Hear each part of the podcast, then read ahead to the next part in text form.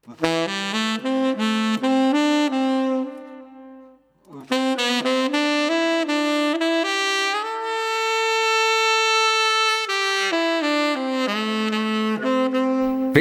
til første episode af Hvad så revisor?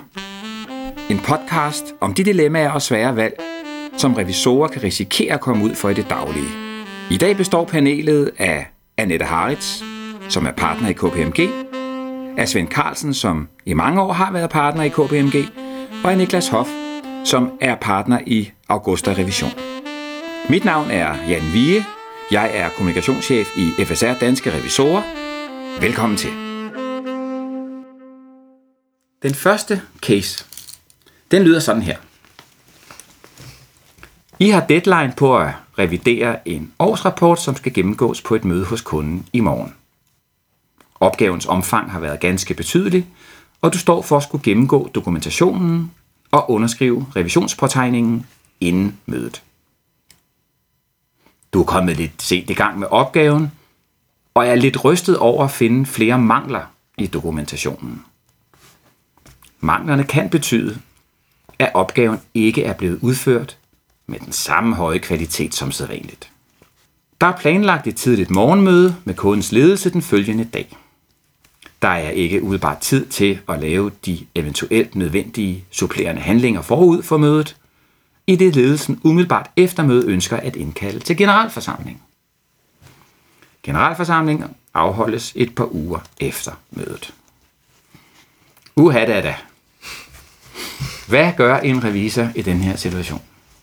Ja, det er jo en svær situation, fordi det kan jo øh, ske, at øh, revisor ikke har været tilstrækkeligt på forkant og proaktiv i den her situation, fordi uh, umiddelbart så er det jo ikke så rart som underskrivende revisor at sidde dagen før og gennemgå dokumentationen og så finde ud af, at uh, teamet måske ikke har udført tilstrækkelig revision eller har tilstrækkelig dokumentation.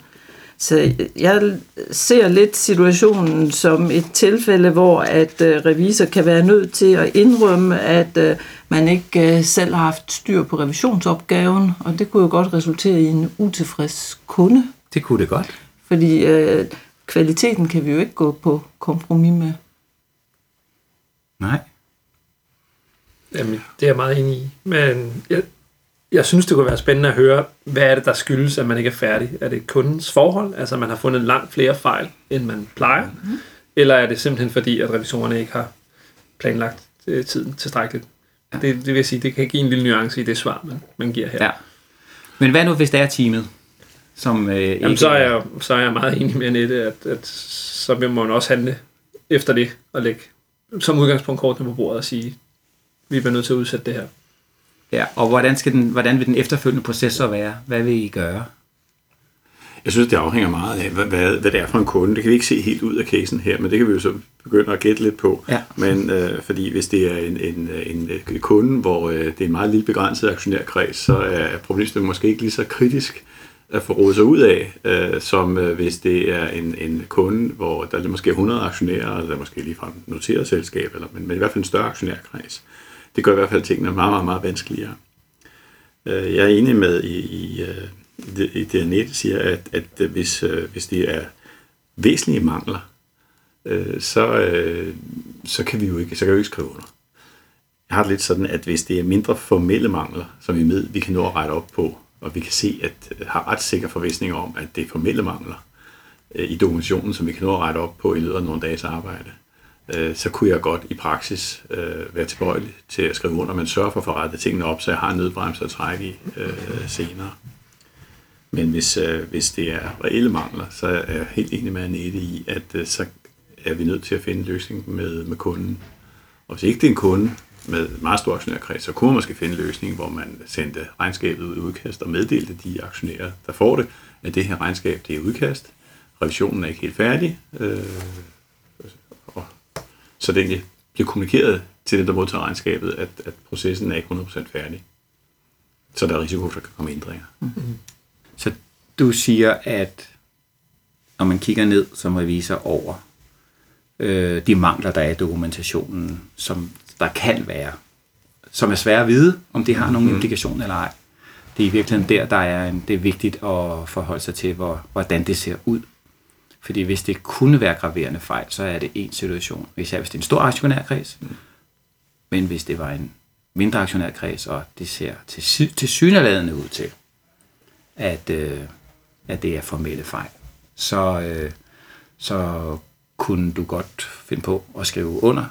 Og, øh, Ja. Det er ikke noget med aktionærkredsen, og det, jeg cirka skal finde på at skrive under, det er, hvis jeg, hvis, øh, hvis jeg I kan se, at i arbejdspapirerne mangler der nogle, nogle, nogle ting af mere formel karakter, Ja. men hvor du egentlig kan, med din erfaring kan se, at det er formelle ting, at der skal pusses af, inden at, øh, at arbejdspapirerne kan tåle en kvalitetskontrol, men at du ved, du er så sikker i din sag, at du kan se, at det er af kun formel art, så kunne jeg nok, for at få tingene til at lande, finde på at skrive under. Øh, men havde stadigvæk nødbrems, fordi regnskabet kan stadigvæk trække tilbage. Ja. Men, men det har ikke noget at gøre med, øhm, med, med kredsen. Når jeg taler der med, hvor mange personer, hvor, hvor stor og kompleks aktionærkredsen er, så er det mere, hvor svært dilemmaet er at råde sig ud af i forhold til kunden, fordi jeg vil sige, at hvorvidt du kan skrive under eller ej, det er sådan set den samme situation, om det er lille eller en stor Okay, aktionærkreds. ja, ja. Det er den samme. Ja. Men, men, men øh, det jeg mente med den store og lille aktionærkreds, det er bare, at det er meget, meget sværere øh, i, i, at råde sig ud af i forhold til den her kunde, ja. hvis det er en stor aktionærkreds. Ja. For hvis det er en lille, hvis det er en lille hovedaktionærvirksomhed, hvor der er øh, hovedaktionæren og, og tre børn som aktionærer, øh, så kunne man nok i højere grad ligesom forklare den ude i korridoren med, hvordan man øh, øh, fik forklaret de her medaktionærer, at, øh, at øh, I får kun regnskab som et udkast, og, øh, og viser ikke helt færdige. Ja, den er jo endnu nemmere, hvis det er en, hvis det er en, en hovedaktionær, fordi hvem er det så, der har lavet de fejl, som eventuelt bliver fundet? Det er jo ham. Så, så, så, Jo, og det er jo det, som du starter med, Niklas. Ja. Er, er, er, er, det, er det hos kunden, der mangler, eller er det revisor, der simpelthen bare kom for sent ud af starthullerne med at få lavet sin revision? Ikke? ja. Jeg, jeg hæfter mig lidt ved, at vi får at vide, at uh, revisor her sidder og overvejer, at, at der ikke er tid til at lave eventuelt nødvendige supplerende handlinger. Og det fortæller mig, at uh, revisor sidder og gennemgår dokumentationen, og så er han i tvivl om, uh, der er tilstrækkelig revisionsbevis. Ja. Så derfor så er det nok ikke kun et spørgsmål om, at dokumentationen måske ikke lige er helt krystalklar, fordi så er jeg enig med Svend, mm-hmm. at hvis uh, underskrivende revisor ligesom kan se, at vi har tilstrækkeligt øh, revisionsbevis, den er bare ikke tydelig nok forklaret, jamen, så kan man godt øh, tydeliggøre dokumentationen, efter man har skrevet under. Men her, hvor man sidder og overvejer at indhente yderligere, mm. eller behovet for at indhente yderligere re- revisionsbevis, øh, så, så vil jeg sige, så, så vil det være svært øh, at skrive under. Øh, Og så tænker jeg, at så går det jo ud på i hvert fald hurtigt at finde ud af, øh, om kunden skal levere noget mere, mm. sådan at når man mødes næste dag, så har man et klart overblik over, hvad det er for ønsker, vi eventuelt har til kunden til yderligere dokumentation. Og så må vi jo prøve at, at også fremlægge det som et samarbejde, at vi skal i fællesskab lige have klaret de her sidste ting. Øh, Og der er det jo også, øh, der er jeg jo også sikker på, at øh, revisor kan tale med ledelsen, så ledelsen også er interesseret i, at regnskabet er retvisende, og hvis der er noget usikkerhed eller øh, fornemmelse af, at der kan være nogle fejl, at ledelsen så også forstår, at det er i deres interesse, at det bliver afklaret, inden, at det bliver, inden regnskabet bliver underskrevet. I vil ikke lade det være op til ledelsen, hvad der skal ske, hvis I lægger kortene på bordet og siger, vi har den her situation, der er nogle ting, jeg er usikker på. Skal vi gøre noget? Skal vi ikke gøre noget? Hvad skal vi gøre? Vil det være jeres egen beslutning som revisor at sige, vi gør sådan her? Det er 100% vores ansvar, vores dokumentation for vores revision er i orden. Ja. Og så vil sige, det, det er vores beslutning. Ja. Det vi kan diskutere med kunden, det er, hvordan vi nu skal klare os øh, med det dilemma her, i forhold til, hvordan vi bedst gør det i forhold til aktionærerne. Ja. Men altså, hvis det er, som, og jeg tror, at Lanet læser det her rigtigt, at der er øh, væsentlige mangler i, i revisionens dokumentation, så, er der, øh, så, så, så kan du ikke skrive under, altså og aflevere et underskrevet regnskab. Altså, det er, hvis der er formelle mangler, og der er, er, og der er reel risiko for, om, revisions, om, om regnskabet skal ændres, så kan du ikke skrive under på det. Formuleringen er her, at mangler, der er flere mangler i dokumentationen, og manglerne kan betyde, at opgaven ikke er blevet udført. Så det er, det, det, altså, der er usikkerhed omkring Ja, ja. de her mangler. En Og hvis, sen hvis, hvis du er i tvivl, så lad være med at skrive under. Ja. ja, det er det sikre. Men altså, hvis nu er det en stor kunde med en stor aktionærkreds, som forventer om 14 dage, at, øh, der er en generalforsamling, og der er fremsendt et øh, under, altså, så er der jo, det er jo der dilemmaet ligger, ikke? Der kunne, mm. der kunne komme en utilfreds kunde, som kunne sige, det kan være, at vi skal finde nogle andre, når vi alligevel har generalforsamling. Altså, det er jo selvfølgelig det, der er i spil her. Ja, og det, det er jo klart, det er jo øh, øh, øh, ikke rart at, at gå til kunden og, og få en utilfreds kunde. Altså, jeg tror også, i den her situation, så vil jeg involvere en øh, kollega i det, øh, for lige at få vendt situationen, ligesom vi nu sidder og vender den her. Ja. Det, det er altid godt, når man står i en kritisk situation, og uh, tager fat i en kollega og, og sparer om det. ja. Kunne det være en fra teamet, eller skulle det være en Nej, partner? det, det fra- skulle være en, der ikke var på teamet. Ja. Fordi jeg er sikker på, at teamet har jo gjort det, det de mener, de skulle gøre. Uh, altså, de, uh, teamet har for, formentlig den opfattelse, at det her det er tilfredsstillende. Og så er der sket en eller anden kommunikationsbrist. Det er måske også allerede på planlægningstidspunktet, at den underskrivende revisor og teamet ikke har været helt enige. Eller også er der opstået noget undervejs måske, som den underskrivende revisor så ikke har fået information om fra teamet, men først opdager, når vedkommende sidder og læser i dokumentationen. Ja. Vil I kompensere kunden her i den her situation? Hvad, hvad vil du kompensere kunden for? Jamen, det kan man jo gøre på mange måder. Nej, men jeg siger, hvad, hvad er det? Altså, hvis du skal kompensere du, du, du kommer og fortæller, at jeg desværre har jeg ikke kunne levere det, som, øh, jeg er, som du har bedt mig om. Og, øh, Men til gengæld får du en blank påtegning. men det er jo ikke kundens skyld, vel? Altså, forstå mig ret. Altså, hvis, det er jo fra et jeg vil sige, jeg kundeperspektiv, vil sige at hvis, hvis du laver et stykke arbejde, der, der ikke har den kvalitet, enten i arbejdsudførelse eller i, i den side rettidige levering, Mhm. mm-hmm. øh, så kunne det godt være, at man, man øh, burde give kunden en, en, en kreditnota eller give en rabat på, på revisionen, fordi man har jo ikke leveret den vare Nej. øh, til det tidspunkt. Altså, så jeg, jeg kan ikke se, at der er noget galt i, at man siger, jamen, øh, vi må, vi må sgu øh, også ligesom vise, at vi, vi bærer en del af ansvaret her, hvis mm. ansvaret er en del af det, ved at, øh, ved at lave en dekort på vores revision. Ja, hvis man kender kunden ret, så vil de i hvert fald sige, det, det arbejde, de skal lave nu og frem til, Ja. det vil jeg i hvert fald ikke betale for, for det burde du allerede have lavet nu. For eksempel. Ja. Ja. Jeg tror egentlig, at jeg som kunde vil gå videre endnu, ikke? men øh, det, er jo, Ja. det er jo det, man kunne overveje her. Yderligere hertil denne historie. Jeg synes, at, at konklusionen skal være, altså anbefalingen må være, at øh, hvis det er væsentlige mangler, så må revisor ikke skrive under, og så kommer alle de andre ting, hvordan man, man løser, men, men, men, men der skal ikke skrives under, hvis der er ting, der gør, at regnskabet kan få en helt anden udformning. Det er jeg helt enig i. Ja, det er jeg også enig i. Og så synes jeg, at det, det også kan understrege vigtigheden af, at den underskrivende revisor er med øh, i forløbet under revisionen. Altså, det er ikke godt nok at komme ind den sidste aften, Nej. før at man skal aflevere et underskrevet regnskab. Det står også meget tydeligt i, i, i den nye kvalitetskontrolretningslinje, kan man sige. Ikke? Ja. Så det vil de få problemer med, hvis ikke, ja. hvis ikke han har været. Ja, men øh, skal vi gå videre til næste dilemma? Og det er jo så noget helt andet. Jeg læser det op her. Et revisionsfirma er i færd med at afslutte revisionen af et årsregnskab for et selskab, hvor der er et skattemæssigt fremførbart underskud på 1 million kroner. Klienten står fast på, at dette underskud skal indregnes på fuld skrue, det vil sige som et skatteaktiv på 220.000 kroner. Hvis dette aktiv ikke indregnes overhovedet, bliver selskabets egenkapital negativ med 150.000 kroner. Selskabet udarbejder kun et budget for det kommende regnskabsår, hvilket er typisk for mindre selskaber. Dette budget, som efter revisionskontorets opfattelse bygger på rimelige forudsætninger, viser et forventet skattemæssigt overskud på 500.000 kroner. I den seneste periodebalance per 30. april holder budgettet, eller i hvert fald næsten.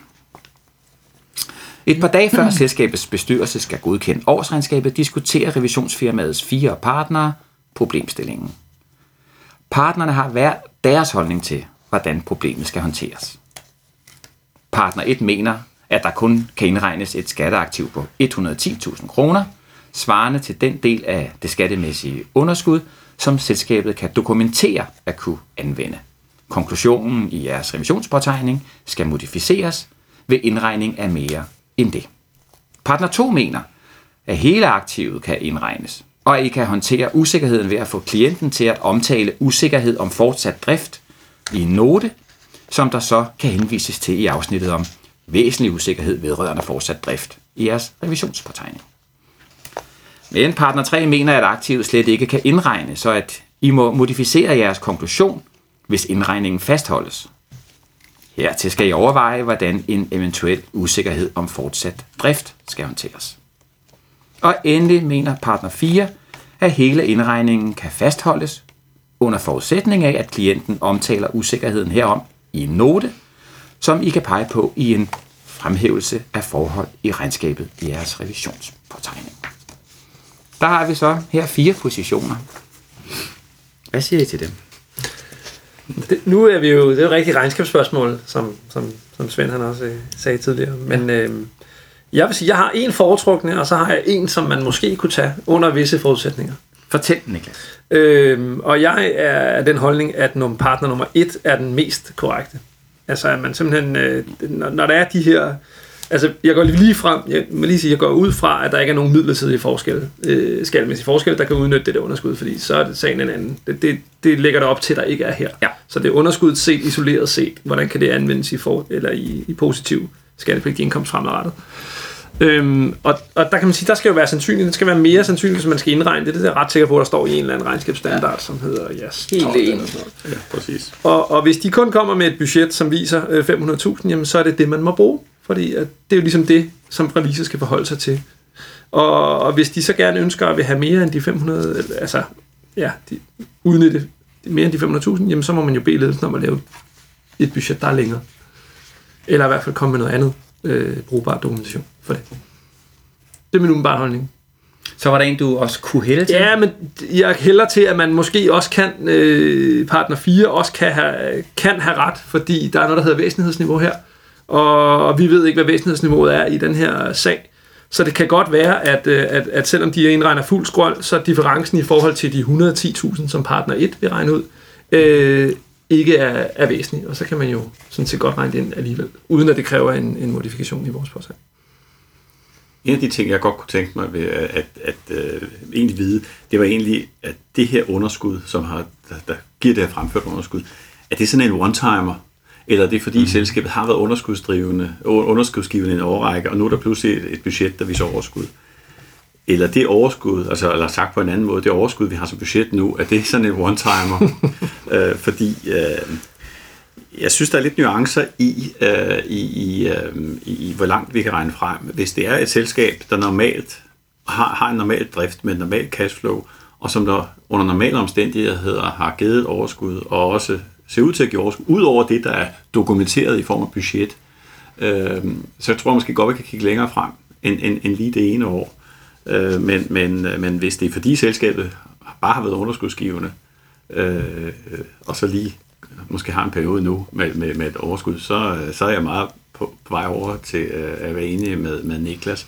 Men altså, hvis, øh, hvis vi, vi er et selskab, der har en sund og normal drift, og som har præsteret et underskud af en eller anden årsag i et enkelt år, eller et stort underskud i et enkelt år, øh, så tror jeg godt, man kan regne længere frem, end det du kan dokumentere som budgetter. Altså, hvis vi går ned i de der regnskabsstandarder, som Niklas refererede til i IAS 12, så tror jeg, man, hvis man går ned og kigger nærmere i dem, så tror jeg, man, man siger, at man kan normalt indregne, hvad der svarer til, øh, hvad der kan forventes udnyttet inden for en 3-5 års periode. Og så kan man diskutere, hvor stærk dokumentationen skal være for, for, øh, for det.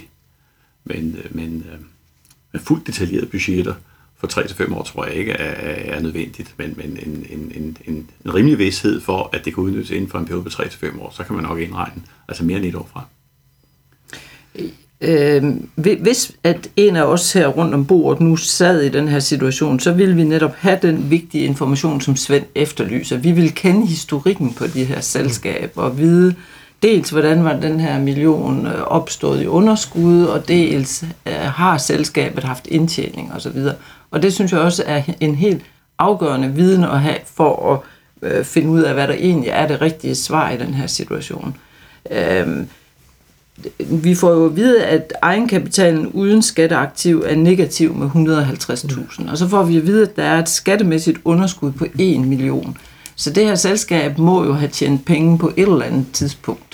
Øh, og så sad jeg lidt og tænkte, er det sådan et selskab, der egentlig har været et sundt og godt selskab i mange år og tjent godt med penge, og så er det måske ikke fuldt med udviklingen, Og så begynder tingene at gå nedad, og derfor så de seneste år har de ikke haft noget mm. overskud. Og det er der på den måde, de har opsamlet et underskud på 1 million. Hvis det er tilfælde, så vil jeg hælde mest til, at vi slet ikke indregner noget. Fordi så vil jeg heller ikke tro, at det budget, der er lavet, det er korrekt. Men hvis det, som du var inde på, Svend, er, at man øh, har haft en eller anden måske øh, erstatningssag eller sådan noget øh, for et år siden, som er fradragsberettiget, og som har givet et underskud på 1 million, og man ellers er et selskab, der øh, på ordinær drift har øh, præsteret øh, et solidt øh, resultat omkring 500.000 per år, øh, så vil jeg heller ikke være så øh, betænkelig ved at indregne øh, faktisk det fulde skatteaktiv.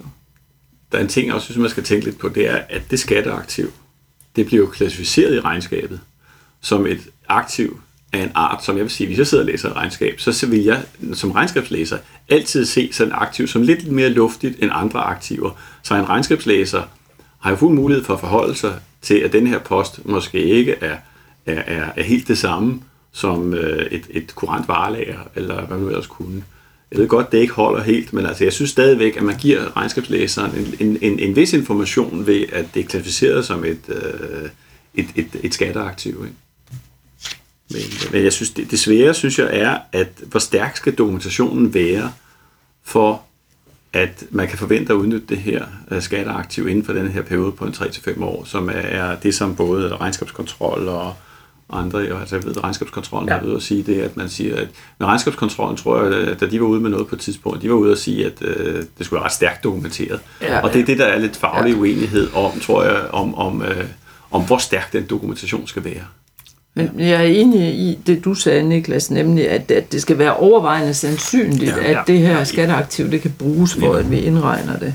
Øh, Ja, så tror jeg endda også, der står noget længere nede i den samme regnskabsstandard om, at hvis der tidligere har været underskud, så er der en formodning om, at det kan der også være, og så skal der være overbevis, ikke bare god dokumentation, men så skal der være overbevisende dokumentation. Ja. Mm. Og det er nok her, hvor jeg vil sige, jamen hvis ikke, hvis ikke de laver et budget, eller nu, nu, nu får vi så også at vide, at budgettet ser ud til at holde, det, det, er, sådan, det, er, det er en meget god dokumentation. Altså, jeg er slet ikke i tvivl om, at og selvfølgelig under visse grader, men, men hvis ikke de ligesom kommer med andet dokumentation, og, og det er ikke nødvendigvis, at det er et, et længere budget, men der skal i hvert fald være noget mere bevis, ellers så vil jeg i hvert fald ikke indregne mere. Ja, og så skal vi have det her link mellem, hvad har indtjeningen været indtil nu, og hvad Præcis. er forventningen fremover. Ja. Og hvis at der er nogle markante ændringer i budgettet i forhold til den tidligere indtjening, så skal vi have en overbevisende forklaring om, øh, hvorfor at det så er sandsynligt, at den øgede indtjening den bliver realiseret. Og, og man vil også, altså jeg vil da også kigge på, nu står der, at vi får en periodebalance per april, hvor budgettet ser ud til at holde. Så vil jeg da holde op med at sige, hvordan så budgettet ud sidste år, og, og, og den realiserede periodebalance sidste år, fordi er det bare sæsonudsving, eller hvad, mm. hvad er det, hvad snakker vi om ja, her? Ja. Jo, og, og du vil nok også kigge på, hvor gode var de til at, at leve op til budgettet det, øh, det sidste år. Og det fortæller jo noget om øh, deres evne til at, at, at budgettere. Enig. For jeg sad og tænkte på, at det kunne også være en iværksættervirksomhed IT, som havde en halv million øh, i ryggen fra en investor, eller i hvert fald en stor pose penge, og ikke havde nogen historik, og havde haft det første år. Sådan er det, og, og øh, mm at starte en virksomhed op, det kan, det, der kan man jo godt få underskud. Det er sådan er det jo typisk. Så bliver det, det bliver det måske sværere ved at, at, at gøre det sværere at vurdere her. Og hvis du så ikke har den historik, så må ja. du gå meget mere kritisk til budgetter og prognoser og se, at, øh, at øh, de, de budgetter, der så ligger hvis en virksomhed, er det så, er det så luftige luftkasteller, eller, eller hvad er det? Altså jeg vil sige, jeg vil være meget mere forsigtig med at indregne skatteaktiv i sådan en situation, hvis, øh, hvis ikke du har noget, der tyder ja. på. Altså, ja. Altså, du kan tage et biotech-foretagende, ja, som jo bare genererer underskud. Og IT-virksomheder. Ja, altså, ja, ja. Men, men du kunne jo godt have en IT-virksomhed, der havde udviklet et software, som var færdig, og hvor at du faktisk havde været ude og sælge det software til nogle kunder, så du havde noget sikkerhed for nogle licensindtægter. Det var jo sådan et element, der ville kunne over, være overbevisende i forhold til, at de kunne efterleve budgettet. Mhm. Så vil du selvfølgelig stadigvæk øh, øh, også på en eller anden måde skulle tage med i din vurdering, om, om øh, det software, det så har en kvalitet, så der ikke kommer øh, krav fra kunderne selvfølgelig. Det vil jo så være usikkerhedsmomentet der. Ja. Ja, konklusionen her, det er ikke umiddelbart muligt at give den fuld skrue her på 220.000, men holde det på de 110.000, som er nogenlunde dokumenteret øh, som partner 1 som udgangspunkt øh, forholder sig til. Men det er også vigtigt at kigge på historikken, og det er vigtigt at kigge fremad, ikke kun et år fremad, men flere år. Og det kunne måske være en måde at gøre kunden øh, øh, mere tryg ved, at sige, hvis du laver et budget på tre år, som er overbevisende, så kan det godt være, at vi, hvis det er med væsentlig, øh, hvis det er med overvejende sandsynligt, at ja. det her budget øh, holder. Jan, jeg synes, du overfortolker vores øh, konklusion. Så må I endelig, så må jeg- Jeg er helt enig med dig, Annette. Ja. Jeg, jeg synes, du strammer den for meget nu. godt, så må jeg høre, fordi, hvad jeg fordi vi havde flere nuancer i det. Ja. At, at øh, hvis det er en virksomhed, som har haft en, har en normal altså, øh, basisindtjening på den ordinære drift, som er sund, og som, øh, som kun la, øh, normalt laver et års budgetter, men også øh, plejer at være i stand til at holde de budgetter nogenlunde, og, øh, og, og vi ser ind i en, en, en forventet indtjening positiv, også fremadrettet, uden det er dokumenteret meget nøje, når vi kommer ud over et års sigt, mm-hmm. øh, så, så, så mener jeg så godt, vi kan indregne mere end, end et år frem, hvis vi har en rimelig sober forventning om, at den indtjening også fortsætter. Så mener jeg godt, vi kan regne ind mere end et år, et år frem. Og jeg vil så gerne trække lidt i den anden øh, grøft, fordi jeg vil sige, at øh, hvis vi nu finder for at vide, at det her det er et selskab, som øh, hvor at øh, produkterne er på vej nedad, og alt indtjeningen er på vej nedad, øh, så vil jeg sige, så kan vi slet ikke indregne noget. Nej. Så, så øh, vi har faktisk hele spændet i konklusionen. Ja, du har ikke givet os nok oplysninger om Og det er jo altid i forudsætningerne. Sådan er det jo i sådan en case her. Vi får aldrig et fuldgyldigt billede. Så, så øh, det, når det er en kort case, så kan vi ikke vide det hele. Men det er også det, der giver det noget, nogle forskellige øh, øh, nuancer i forhold til at diskutere den her case. Det var første episode af Hvad så, revisor? Tusind tak til panelet, og tak fordi du gad at lytte med. På genhør.